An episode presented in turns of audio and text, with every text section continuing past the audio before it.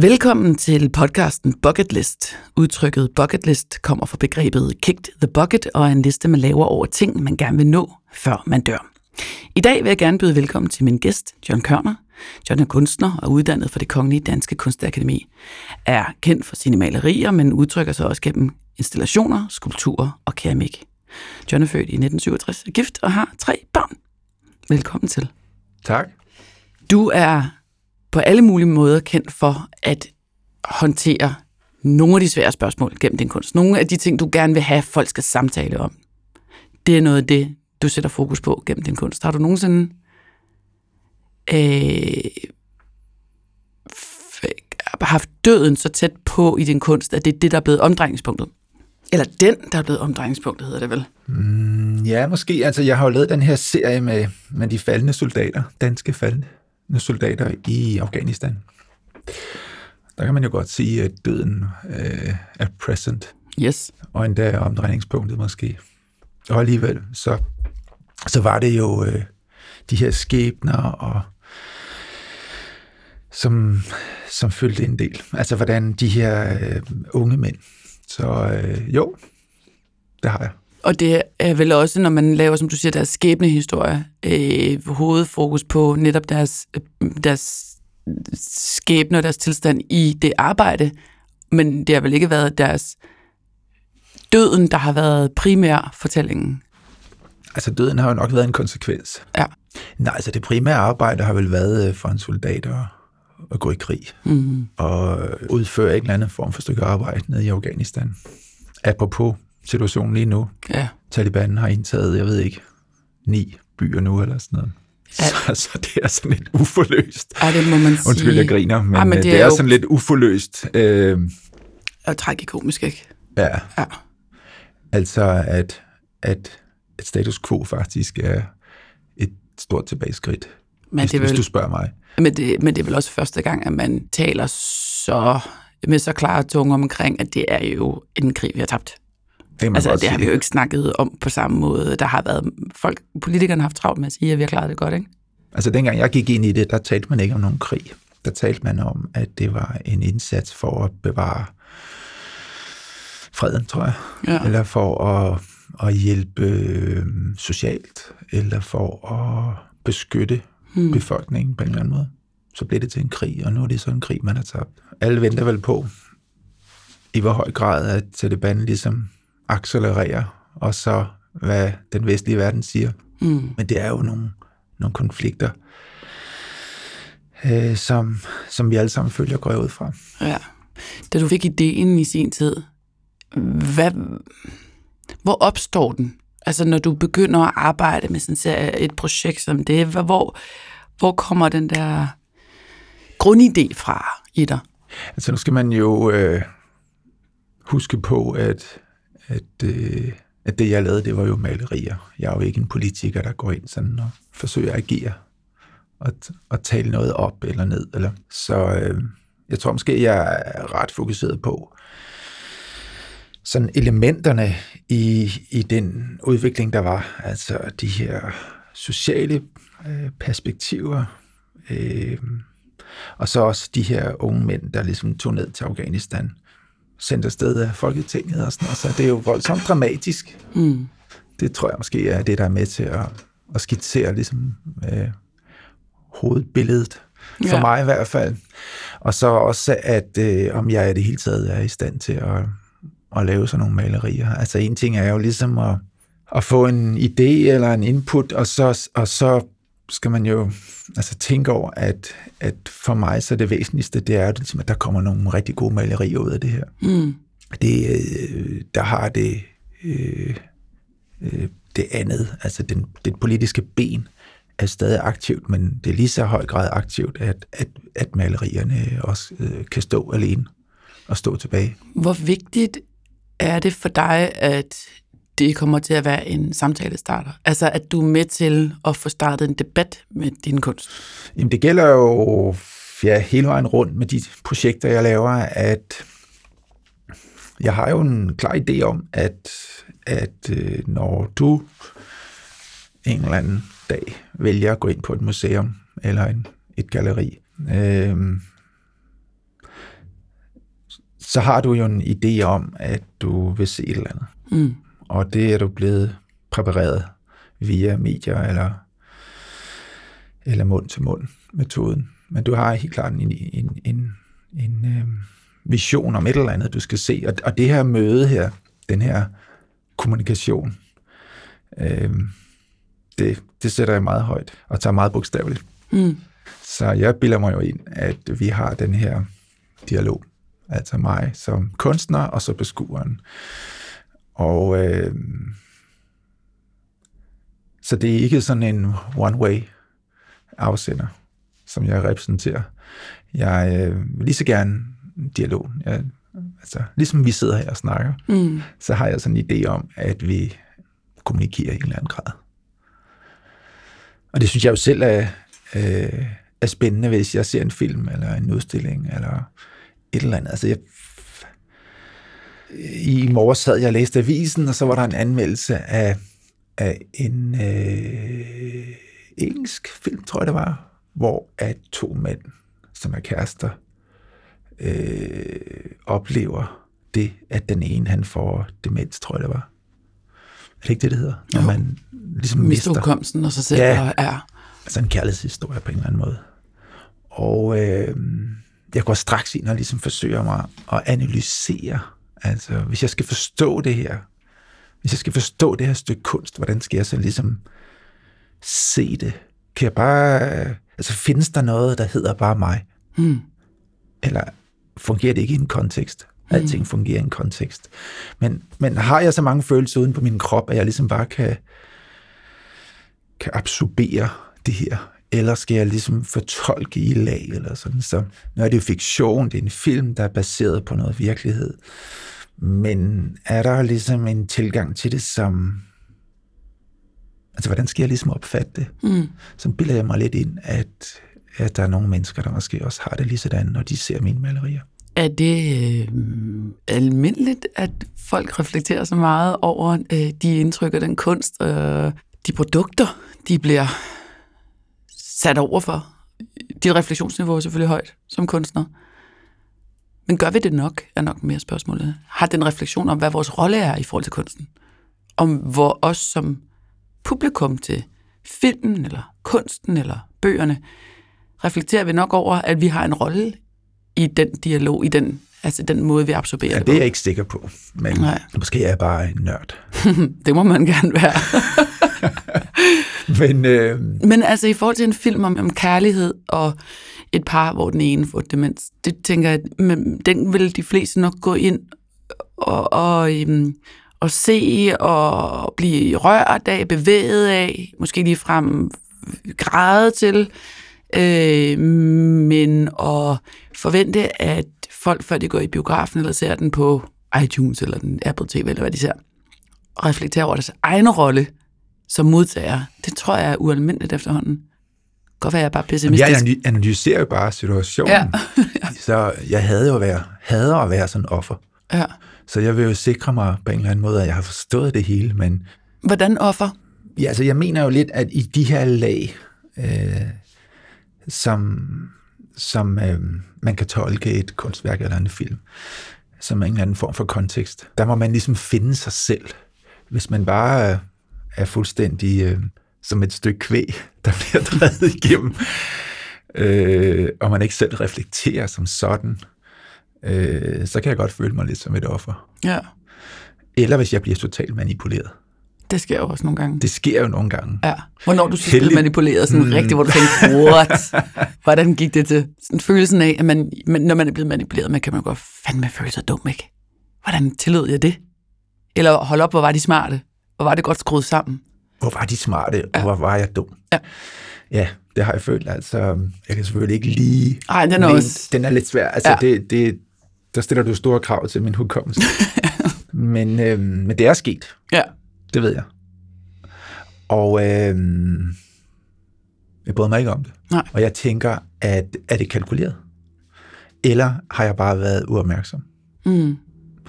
Altså, øh, hvis det nu kommer noget kommercielt, altså hvor at der, jeg ved, hvor afsenderen har tjent store styrtende summer på det, så irriterer det mig. Ja. Hvis det er en, en kunstnerisk sådan akt, hvor der slet ikke er på samme måde økonomi blandt os, så kan jeg stadigvæk godt føle mig voldtaget. Ja. I, og det gør jeg ret ofte med film. Jeg er virkelig let offer, øh, når det, når det kommer til film.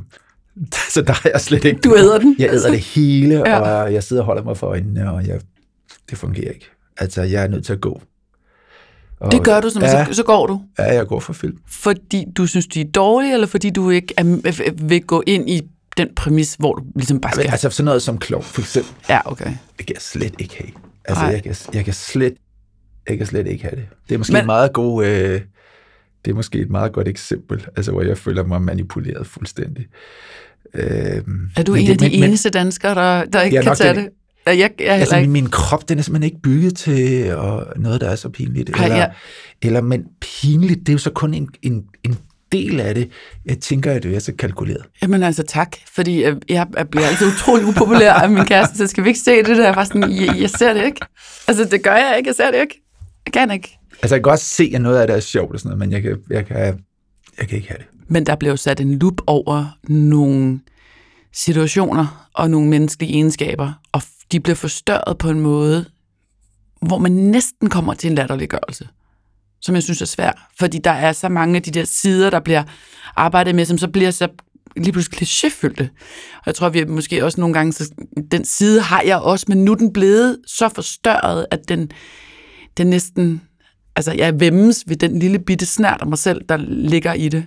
Giver det mening? Ja, altså, du, altså, velkommen i klubben. Du er Ja. bare et, et menneske. Det er jo skønt, Ja. at man føler, at man er lavet kød og blod, Ja. og man ikke er sådan super intellektuelt øh, øh, foster, som er, er ikke kan, kan leve, mm. uden at hele tiden at skulle analysere. Men ikke desto mindre, så, så gør jeg det en del, når jeg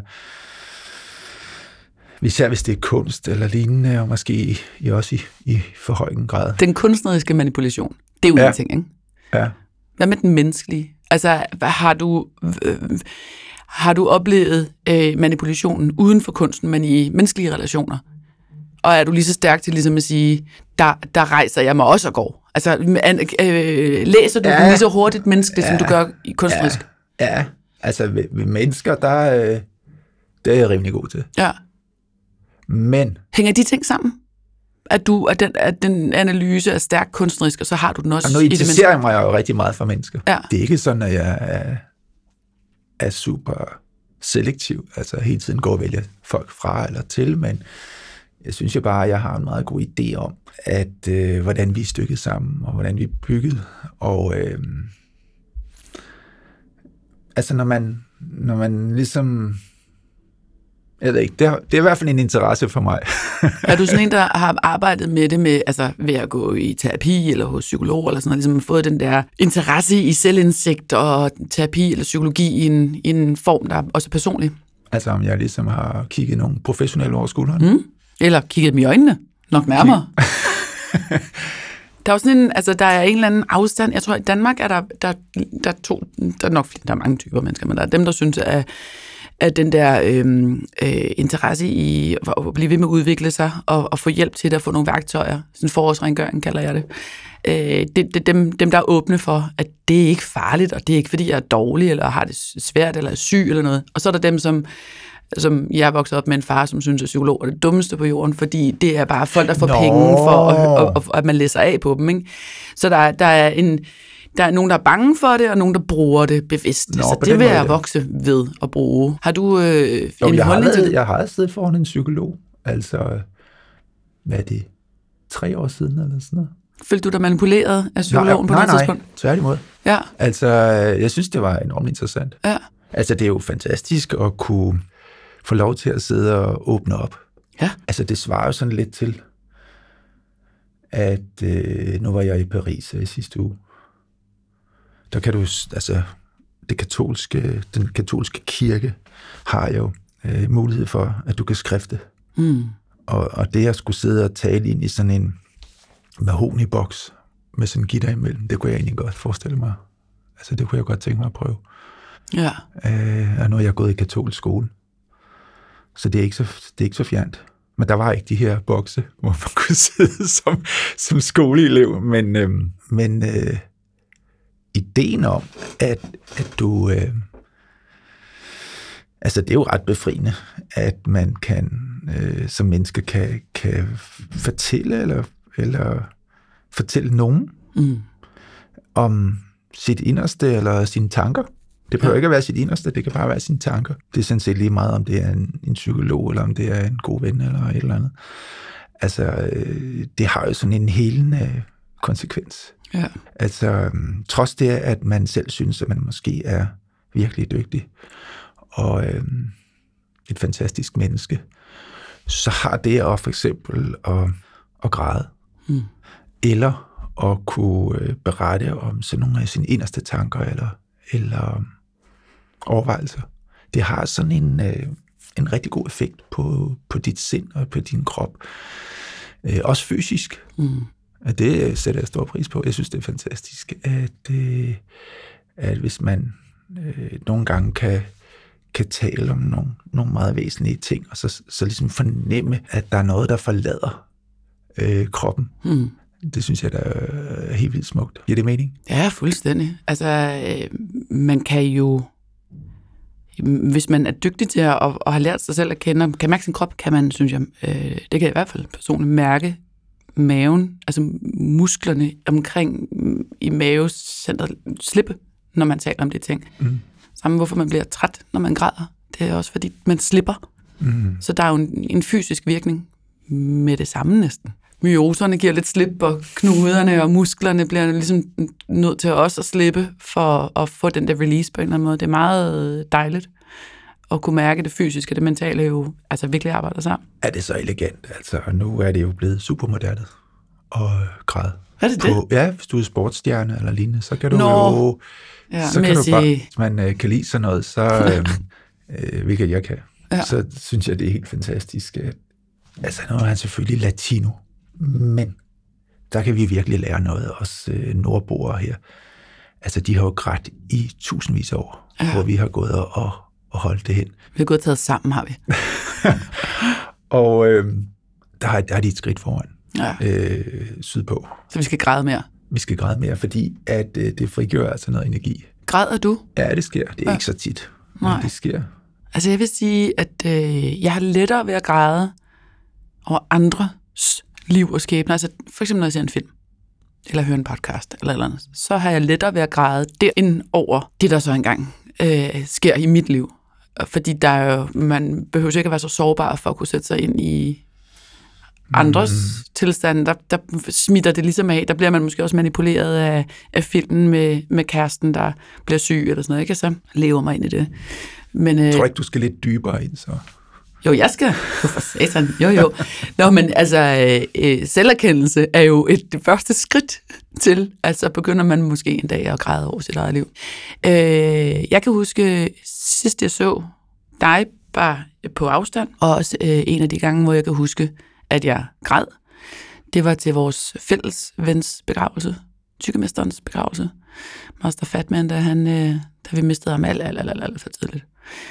Øhm, har du mod på at fortælle om din... Altså, du stod til begravelsen som en meget nær ven. Og det var en meget, meget varm oplevelse. Den, Var det det? Ja, det var det. Ja. Altså, men, men de få... Øh, jeg tror, de få, der har været rigtig tæt på, øh, på Morten, øh, har arbejdet hårdt på at gøre det til en begravelse i hans ånd, og, og åbne den for mennesker, der holdt af ham. Både nært og fjernt. Og det synes jeg, den varme kunne man virkelig mærke. Nå, det er jeg da glad for. Men det tænker jeg også har været en eller anden form for omdrejningspunkt. At den varme, han havde, var vigtig at udstråle. Ja, altså det er jo i hvert fald, øh, for dem, der kendte ham, så har de måske øh, netop savnet den der varme der. Måske var det derfor, at den skulle helst skulle være sådan lidt present Mm. til begravelsen, og ikke en øh, begravelse, som man ser på film, hvor de står i regnen, og hvor sådan en mafioso er blevet Jeg skulle dræbt. sige, sort jakkesæt. ja. Men at... Øh, altså både for at jo også sende ham ordentligt afsted, men også for ligesom at egentlig at, at forstå nøglen til, hvad, hvad han stod for. Mm. Og, og det var der jo rigtig mange, der var bekendt med. Og det var jo grænseløs kærlighed. Det må man sige. Så øh, det betyder, øh, at der ikke er så mange grænser. Det siger sig selv. Mm. Men det er der måske ikke så mange, der lige tænker over. Men i hans ånd, så var det jo grænseløst. Det vil sige, at øh, apropos det, vi sad og talte om før, med at græde og lignende, så betyder det, at, at du ikke har nogen grænser. Og det er måske meget uddansk, Ja. tænker jeg lidt. Altså, øh, der, er vi, der synes jeg virkelig, at vi er et, et hemmet folk i mange henseender. Ja. Så det var det, han stod for. Så det synes jeg var meget unikt. Havde du prøvet at, at miste øh, nogen tæt på dig inden da? Altså ikke at man nogensinde bliver trænet i at miste, tror jeg, men, men øh, måske når man rammer de nogle og 80-90 år, så når omgangskredsen begynder at forsvinde, men det her er jo en særlig situation, ikke? Altså, det har jeg ikke prøvet. Ikke på samme måde. Mm-mm. Altså familiemedlemmer og også venner. Jo, jeg havde en øh, for ikke så lang tid siden, men ikke så nær. Så, men, men en, man, jeg var meget sådan bevidst om og holdt meget af og sådan noget. Altså, så finder man jo ud af, at, øh, at man er i live. Ja. Når du er til en begravelse, så finder du ud af, at du er i live. Mm. Og det skal forstås på den måde, at, øh, at du ved jo også, at det er din tur på et eller andet tidspunkt. Altså det, så, det, så det sætter jo rigtig mange ting i gang. Overvejelser. Øh, hvordan man reagerer som menneske på døden, eller hvordan du også forestiller dig, at resten af dit liv skal fungere. Mm. Altså alle de her overvejelser her, de står bare i hobetal. Det er faktisk ret elegant. Altså så der, det er det, jeg mener med, der, der bliver du lige pludselig meget levende. Ja. Og der kan du lige pludselig, altså så er, så er der jo rigtig mange ting, der lige pludselig er sekundære. Og øh, også i forhold til, hvordan du er over for andre mennesker. Og jeg kan meget godt lide det. Ja. Altså jeg kan godt lide, at øh, så får du sådan et, et wake-up call, må man sige. Øh, Var der nogle ting, hvor du tænkte, i de gange, hvor du altså, har været tæt på døden, som du siger, så kigger man jo på resten af sit liv på en eller anden måde. Hvad skal Ja. der ske der? Er der noget, hvor ja. du tænker, jeg bliver nødt til, nu er vi jo ved bucketlisten, er der, er der noget, jeg, altså så var der noget, der blev sådan præsent omkring, det, det bliver jeg nødt til at opnå, det bliver jeg nødt til at gøre, jeg bliver nødt til at, at få det gjort. nej, sådan har jeg det ikke. Nej. Altså, øh, der er også en vis afmagt. Altså i, i forhold til at, at være i live. Det har jeg, sætter jeg stor pris på. Så tingene skal ikke, kan ikke planlægge så meget. Nej, altså, du er et, et menneske og kød og blod, og jeg tror, der er mange, der måske har en idé om, at, at vi har sådan en, at vi er sådan et intellektuelt øh, medie, Mm. som, hvor det ligesom er hjernen, der hele tiden er et skridt foran. Den er altså meget ofte et skridt bagud, synes jeg. Synes du det? Hjernen, ja, det synes jeg faktisk. Nej, jeg synes, den er foran. Altså, ja, du tænker dig i en eller anden situation, eller du, du tænker, at du formår et eller andet, eller du forestiller dig, at du kan det, eller lignende. Men der synes jeg jo nogle gange, at man altså ligesom oplever, at øh, det, gud, jeg kan jo, jeg kan jo for fanden dø i morgen, altså. Ja, men så tror jeg, at hvis du skiller hjerne og følelser fra hinanden, så tror jeg, at vi tænker ret meget, og nogle gange for meget, i stedet for at mærke efter, hvad vi fysisk mærker, ja. og så prøve at forstå det. Men Jeg det kan kan godt være. Men det, ved jeg, det er jo sådan nogle diskussioner, man nogle gange ender med i forhold. Og sådan, altså, har du mærke, er, er du glad? Kan du mærke dig selv? Har du en, en mavefornemmelse? Hvad er intuition for dig? Kan du mærke en knude i maven, så er der måske noget, du skal have Gør- gør- gjort. Ja, gjort, Ja. ja. Der er måske nogen, der har overskrevet en grænse. Der er måske der er et eller andet i dig, der prøver at fortælle mm. din hjerne heroppe, Mm. hvor du er hele tiden, at du skal lige ned i fødderne, eller ned i maven og mærke efter, hvordan har du det? Mm. Det kan vi jo ikke tænke os til altid. Nej, men jeg mener også bare sådan ligesom, at, hvordan skal jeg forklare det, altså at man ligesom nogle gange, øh, ja, tror man er lidt udødelig. Altså man, man forestiller sig slet ikke, at, at det stopper på et tidspunkt. Nej. Altså at, at øh, måske sådan i forhold til mad og natur og vand og på et tidspunkt, så synes jeg, at altså jeg er opvokset på landet. Da jeg så kom til byen, så synes jeg virkelig, at landet, det var røvsygt. Altså det var mørkt og trist, og, og så synes jeg, det var så permanent, at landet ligesom træerne og strandene, og det var så kedeligt. Øh, Permanent, også ja. fordi det var så sådan lidt gammeldagsagtigt. ja. Altså jeg tænkte bare, wow, det er altså... Øh, det er hellere skabe noget, eller sådan, i stedet for ligesom hele tiden at have det her naturagtige. Altså det her, der omgiver os. At det urbane er jo sådan meget skarpt på en eller anden måde, hvor det naturlige ude på landet ligesom delvis stadigvæk opretholder en, en fortid, eller noget øh, oprindeligt. Og øh, altså, der, øh, der kan man godt sige, at, at det er en, en situation, hvor du ligesom øh, ja, føler mig øh, draget af nu. Mm. Altså, der synes jeg jo ligesom, at det er et, et omdrejningspunkt. Sådan har jeg måske mere nu end, end tidligere. Ja. Altså, at den, at den er på forkant.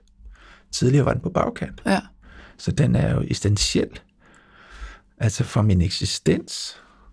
Så, øhm, så nu har jeg lige pludselig fået et eller andet forhold til det.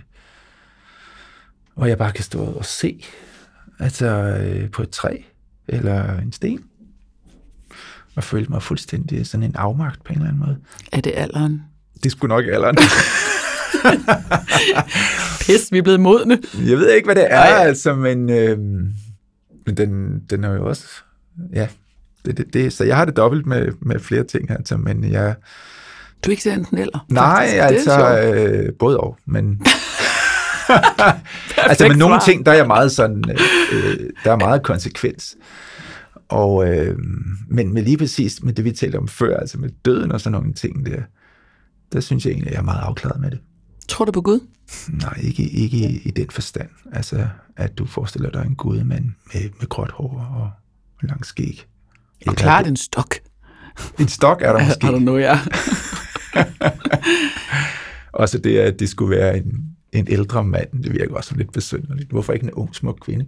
Ja, det vil være sjovere for alle, faktisk. Men selvfølgelig er der altså en masse interessante ting, blandt andet UFO'er. Jeg er helt, Okay. vild, jeg er helt vild med, at uh, Pentagon de har offentliggjort de her observationer. Og det, det fik mig til at tænke på, at da jeg gik på akademiet, der havde jeg sådan nogle værker, som hed Landingsbaner for UFO'er. Så lige pludselig så øh, øh, får jeg sådan en déjà vu. Jeg synes, det er helt fantastisk øh, at forestille sig, at det her liv, det ligesom invaderer os på en eller anden måde. Og øh, jeg er faktisk en af de heldige personer, der har set en UFO. Okay. Ja. Fik du taget et billede? Nej, desværre. Hvordan så den ud? Altså, der var faktisk to. Altså, seriøst? Ja. 100, så den hånd på hjertet, du er ikke i tvivl? Jeg er ikke i tvivl. Okay. Prøv lige at fortælle om, hvordan, hvad, hvor så du dem, og hvad skete der? Altså, jeg, jeg står med min... øh, Jeg er øh, 9-10 år gammel. Jeg står på en fodboldbane nede på Lolland, hvor jeg er vokset op. Og vi er kun to på den her eng, som vender helt ud til havet. Og min kammerat, han er nede og hente øh, bolden i græsset. Den der skudt over mål. Så jeg står og spejder ud over havet. Og så ser jeg ligesom sådan to hvide prikker. Langt ude i horisonten. Og øh, de følger hinanden parallelt. Og så kommer de ligesom tættere på, og så drejer de væk. Og så forsvinder de ud i horisonten. Så enkelt er det. Det kunne ikke have været andet. Nej, altså, øh, der var ikke nogen øh, rumvæsener eller antenner eller noget som helst. Men øh, de havde sådan lidt en, kan man godt sige, diffus, oval størrelse. Hvis vi øh, skal op i hjernen og forholde os til din historie, hvad, altså jeg synes jo, det er så skægt, der var nogen, der skrev, øh, hvordan kan det være, at vores kamera bliver bedre og bedre, men billederne UFO'erne er stadig altså utrolig dårlige. Hvorfor har teknologi, hvorfor har vi så ikke på de der fotografier, man stadig ser af en eventuel UFO, er stadigvæk sådan noget sløret, øh, noget man har taget med et gammelt øh, kamera med filmrulle, og så er det lidt dårligt fremkaldt. Vi er så dygtige. Vi har små køretøjer på Mars. Vi kan tage billeder af basically hvad som helst. Vi kan skille bitte små molekyler fra hinanden. Hvorfor kan vi ikke tage et ordentligt billede af en UFO så? Det er fordi, vi ikke ved, hvordan de ser ud. Fordi at øh, da jeg lavede det projekt, Landingsbaner for UFO'er, så forestillede jeg mig lidt, at det også kunne være en regndråbe. Okay, nu bliver du op. Det er abstrakt, det er sjovt. Fordi For vi forventer, det er noget, vi ved, du forventer, vi kender. at det er sådan en metal ting, Ja. der kommer flyvende. Ja. Altså, jeg prøvede virkelig at være øh, open-minded, og så forestille mig, at det kan også være, at de allerede var her. Uden vi anede det. Ja. Det er en sjov tanke, at det selvfølgelig kan tage former, vi ikke kender. Ja. Yes. Nu, now we're talking. Ja. Så øh, Men vi har jo altid, det er det samme, når du siger til et barn, så jeg ved ikke, hvorfor der også er med vores skoler. Tegn en bil. Nej, ja. Altså tegn. Eller når man får en tegning fra sit barn, så siger man, ej, er det en pige, du har tegnet? Hvorfor er det, vi skal... Det gør vi jo som mennesker. Det skal være noget, vi kender. Noget, vi, vi, vi skal kunne kode, afkode det. ja. Den abstrakte tanke er jo faktisk ret skæg. Der er jo rigtig mange ting, som i virkeligheden er abstrakte, altså farver og lignende. Ikke? Også. De fleste har en idé om, at solen er gul. Og i mine øjne, så er den mere hvid, den er gul. Men øh, den er svær at se, solen, fordi den, den er så skarp. Mm. Den er jo heller ikke så bestandig. Men altså, nu bevæger jeg mig ind på et område, som jeg ikke ved så meget om. Men øh, plus at når børn, apropos når de tegner, så sætter de den altid op i hjørnet øh, af, af arket, papirarket, hvilket jo egentlig også er lidt mærkeligt. Så vi har altså alle de her forudbestemte kulturbårede idéer og tanker mm. om, hvordan ting skal være. Men hvis du kigger på farver for eksempel, så, så er det noget mere diffust. Altså en, en bil, ja, kan godt være rød, men den er selvfølgelig skabt. Men så skal vi til at definere, hvad rød er. Ja. Der er jo mange slags rød. Og når du, hvis du kigger på, hvorledes at himmel og hav og luft og alt muligt andet øh, agerer, og hvordan det øh, har en indvirkning på vores liv, så finder du ud af, at det er jo det er lige så meget solen, der er med til at farve ting, og give dem de farver, de har.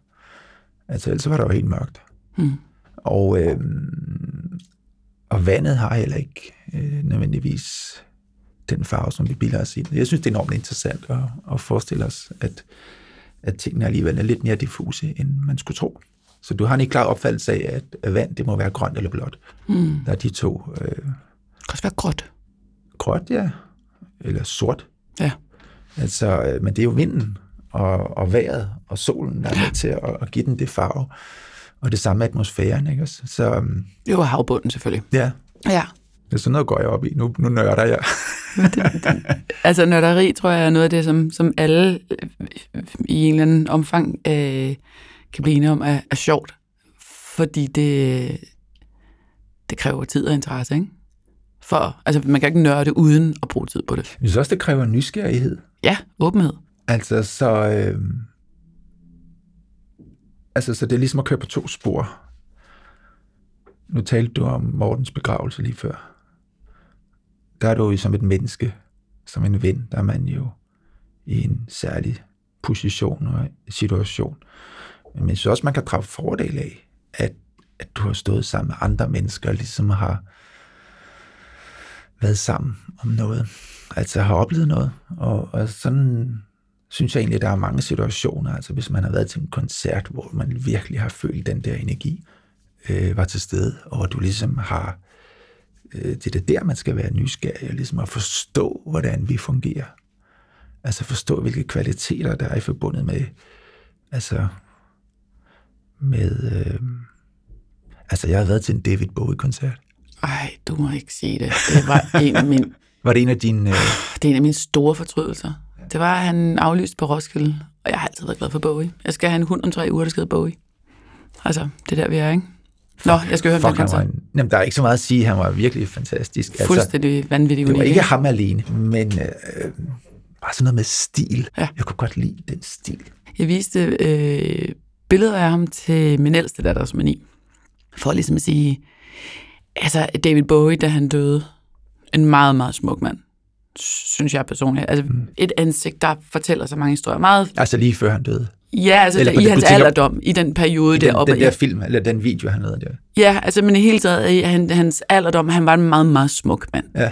Og så viste jeg hende billeder af Ziggy Stardust og hele hans, altså som jo er så fantastisk. Øh, og prøvede ligesom, også fordi hele det der sådan genderfluid noget er, er så meget til stede, og det synes jeg også, man skal forholde sig til allerede som 9-årig, fordi det, det er der, og det er her over det hele. Det, det synes jeg var ret fint, at i stedet for at mine børn siger, at, øh, at en, en mand ikke kan gå i kjole, eller sådan, selvfølgelig kan han det. Altså, og så viste jeg øh, Bowie som Ziggy Stardust, og de var bare sådan, ej, hvor var han sej. Ja, han var, altså. For 30 år siden, eller, eller Ja. hvad det er. Mere end da måske. Ja. Han har været virkelig på 70'erne var forkant, vildt, ikke også? Åh, oh, Bowie-koncert. Nu får jeg helt ondt i maven. Det gad jeg godt. I forhold til, at Gud ikke er en gammel mand, der sidder med langt gråt skæg øh, og kigger ned på os, er der, i forhold til at tro eller ikke at tro på Gud, det er en ting, men er der, nu tror du på UFO'er, tror du på et liv efter døden? Ja, altså det, øh, i en eller anden grad gør jeg nok. Øh,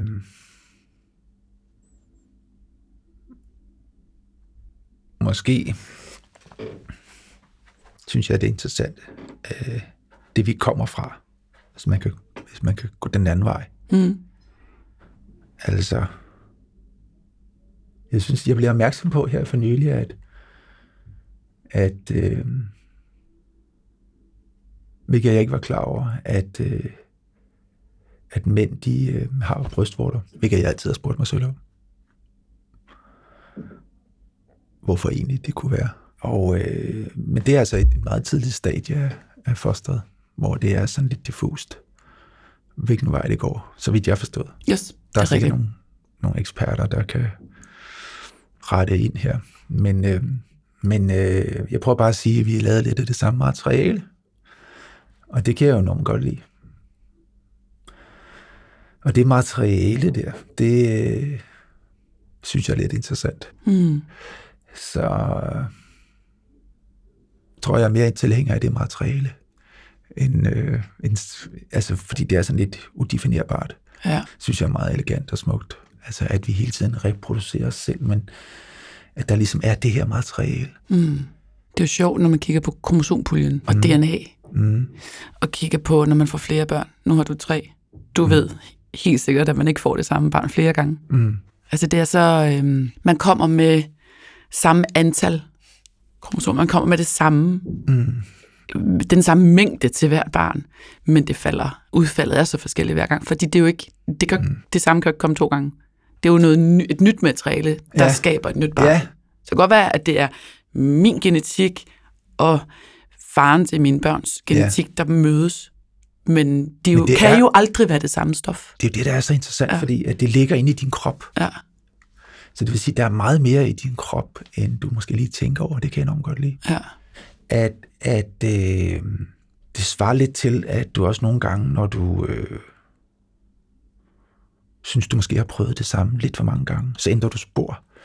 Og så viser det sig faktisk, at øh, man kan sindssygt meget. Altså, det undrer mig, at, at øh, så nu er det ligesom blevet en, en, en, øh, en, hvad siger man, métier for mit liv, at jeg er nødt til at ændre spor en gang imellem. Mm. Øh, fordi jeg ved, jeg kan. Altså, øh, det ligger i mine gener, at jeg kan. Så det vil sige, der er ikke én måde at forstå og, og leve livet på. Der er ligesom, øh, altså jeg går bare og venter på, at jeg bliver sådan en, en tango-danser eller et eller andet. Altså, er det det næste spor? Nå, jamen, jeg, kan, jeg, jeg kan bare se, at, at, øh, at jeg har så meget materiale i mig, Mm. at øh, jeg har en forståelse for ting, og øh, så jeg bilder mig simpelthen ind, at øh, man en gang imellem, så, så skal du altså flytte tandbørsten de her 10 cm. Hvor kunne du godt tænke dig at flytte den hen næste altså, gang? øh, hænge den i en snor, eller hvad ved jeg, men, men den, den her udfordring hele tiden af at, at, at, at leve anderledes, eller forstå livet anderledes, det, det er virkelig en gave. Det er faktisk en af de allerstørste gave, fordi at den er ikke materiel. Den er så simpel. Hele ideen om, altså du kan gå og tænke dig til en større rigdom, til en større materiel gode, en hurtigere bil. Når du først, først forstår ligesom, at, at det er dit mindset, du skal erstatte, du langsomt skal forandre, gøre ting på en anden måde. Det er der fornyelsen ligger. Og det synes jeg er jo så elegant, at, øh, at i stedet for at gå til venstre, så går jeg til højre. Mm. Og så ser jeg, hvad der sker. Mm. Det er det smukkeste. Det kræver både mod og nysgerrighed. Jeg er frisk. Ja. Så, øh, men det virker. Men det er jo også der, jeg ved, du har tidligere også i nogle interviews talt om øh, materialisme og forbrug, hvor uinteressant det er. Fordi man finder jo ud af, når man kigger på sin egen formåen og muligheder og mod og nysgerrighed og mulighed for at flytte tandbørsten, Mm. At det er ikke den nye bil, der gør, du vågner gladere i morgen. godt være, at du har glæde ved at køre den, og den kører dejligt, og den, det giver noget komfort, eller øh, et stort smil på læben, men det er ikke det, der gør en, laver en markant ændring for dig. Det er det at løfte blikket og se, at du kan gå til højre, og ikke kun gå lige ud. Præcis. Det synes jeg er altså ret elegant. Ja. Jeg tror, det kommer mere. Altså, vi snakker meget om den der måde, vi har indrettet os på, at vi skal vi arbejde på samme tidspunkt alle sammen, og skal det være fem dage om ugen og 37 timer, og skal vi sidde på kontor, og skal vi have to børn og en hund og sådan Altså, er, er vi en eller anden... Er der opbrud i gang? Eller er vi for fastlåst i virkeligheden til at kunne skabe Altså, den, den, det materielle, det fylder stadigvæk big time. Vi Ja. har aldrig haft så mange penge, som vi har nu, vel? Som, som samfund. Vel? brugt, så, brugt den på så meget lort? Jamen altså, hvis du ligesom gerne vil have en god oplevelse, og du så ligesom siger, okay, jeg vil gerne købe den her BMW, den får jo sådan ret hurtigt et fastlåst øh, mønster i sig. Altså, den kan køre et eller andet 800 km i timen. Det er jo derfor, at folk skal have en ny bil et år efter, fordi den er ligesom kedelig. Mm, Der er kommet noget nyt. mm, Men hvis man så går ned ad vejen der, så møder man ligesom det andet menneske der. Nu er jeg begyndt at sige hej rigtig meget. Og det giver mig ligesom den variant af, af noget, der er en fornyende. Eller, altså det vil sige, at den, at den øh, måde, jeg møder det her menneske på, eller i går sad jeg og snakkede med en, en fremmed nede ved vandet. Jeg var ude at bade. Og øh, det er ret elegant. mm. Altså, hvor jeg ligesom får en forståelse af, hvad, hvad hun, hvem hun er, eller hvorfor hun gør, som hun gør. Det får jeg altså ikke i den BMW der. Mm. Altså, så øh, det synes jeg bare øh, er, er ret smart. Men ja, det er jo også det, der er interessant ved den BMW, for det bliver jo en lidt stakkels sag. For hvis den kører dig fra, fra din lejlighed eller hus eller campingvogn, mm. eller hvor du bor, det samme sted hen hver dag. Jamen, den er super lækker, og jeg har mm. også øh, kørt... Men hvis man kører det samme sted hen hele tiden, ja, altså, det er det, der er problemet. Nå, men så skal, det kan godt være, at jeg ikke kører på arbejde i dag, så kører jeg i sommerhuset, men ja. der har jeg også været de sidste 40 weekender. Ja, Så den har den samme destination, Ja. så den udfordrer ikke min, min åbenhed eller Nej, så min man er appetit. parat til hele tiden at øh, forsøge at forandre ting, fordi at når forholdet ligesom går ind i en periode, hvor det ligesom øh, er røvsygt, så skal der jo ske et eller andet. Men øh, det er altså bare... Øh, man skal måske starte lidt med sig selv en gang. Vel? Men det er sjovt, du tager den hen mod forholdet, fordi der er skilsmisseretten, det behøves vi må jo ikke at vende, men der er da helt klart en, øh, også en øh, brug og smid væk tankegang i gang i den menneskelige relation også. Ikke? At nu har jeg været sammen med dig i 20 år, og det var ikke sjovt, og nu har jeg set en anden model, jeg kan køre hurtigt i. Ja, Øh, hvor ja, hvis man siger, lad, lad være med at gå... Altså, det er lidt ligesom BMW'en. Hvis jeg går den samme tur med kæresten hver dag og snakker om de samme, samme ting hver dag, det kommer ikke til at virke. nej, Altså, øh, så kører en anden rute med en anden destination ja, og en anden samtale. altså, øh, så får du en BMW. Jeg ved ikke, hvorfor jeg hele tiden skal nævne BMW. Nej, det ved jeg heller ikke. Det kunne være... jeg har ikke... Jeg har altså vi er ikke sponsoreret BMW.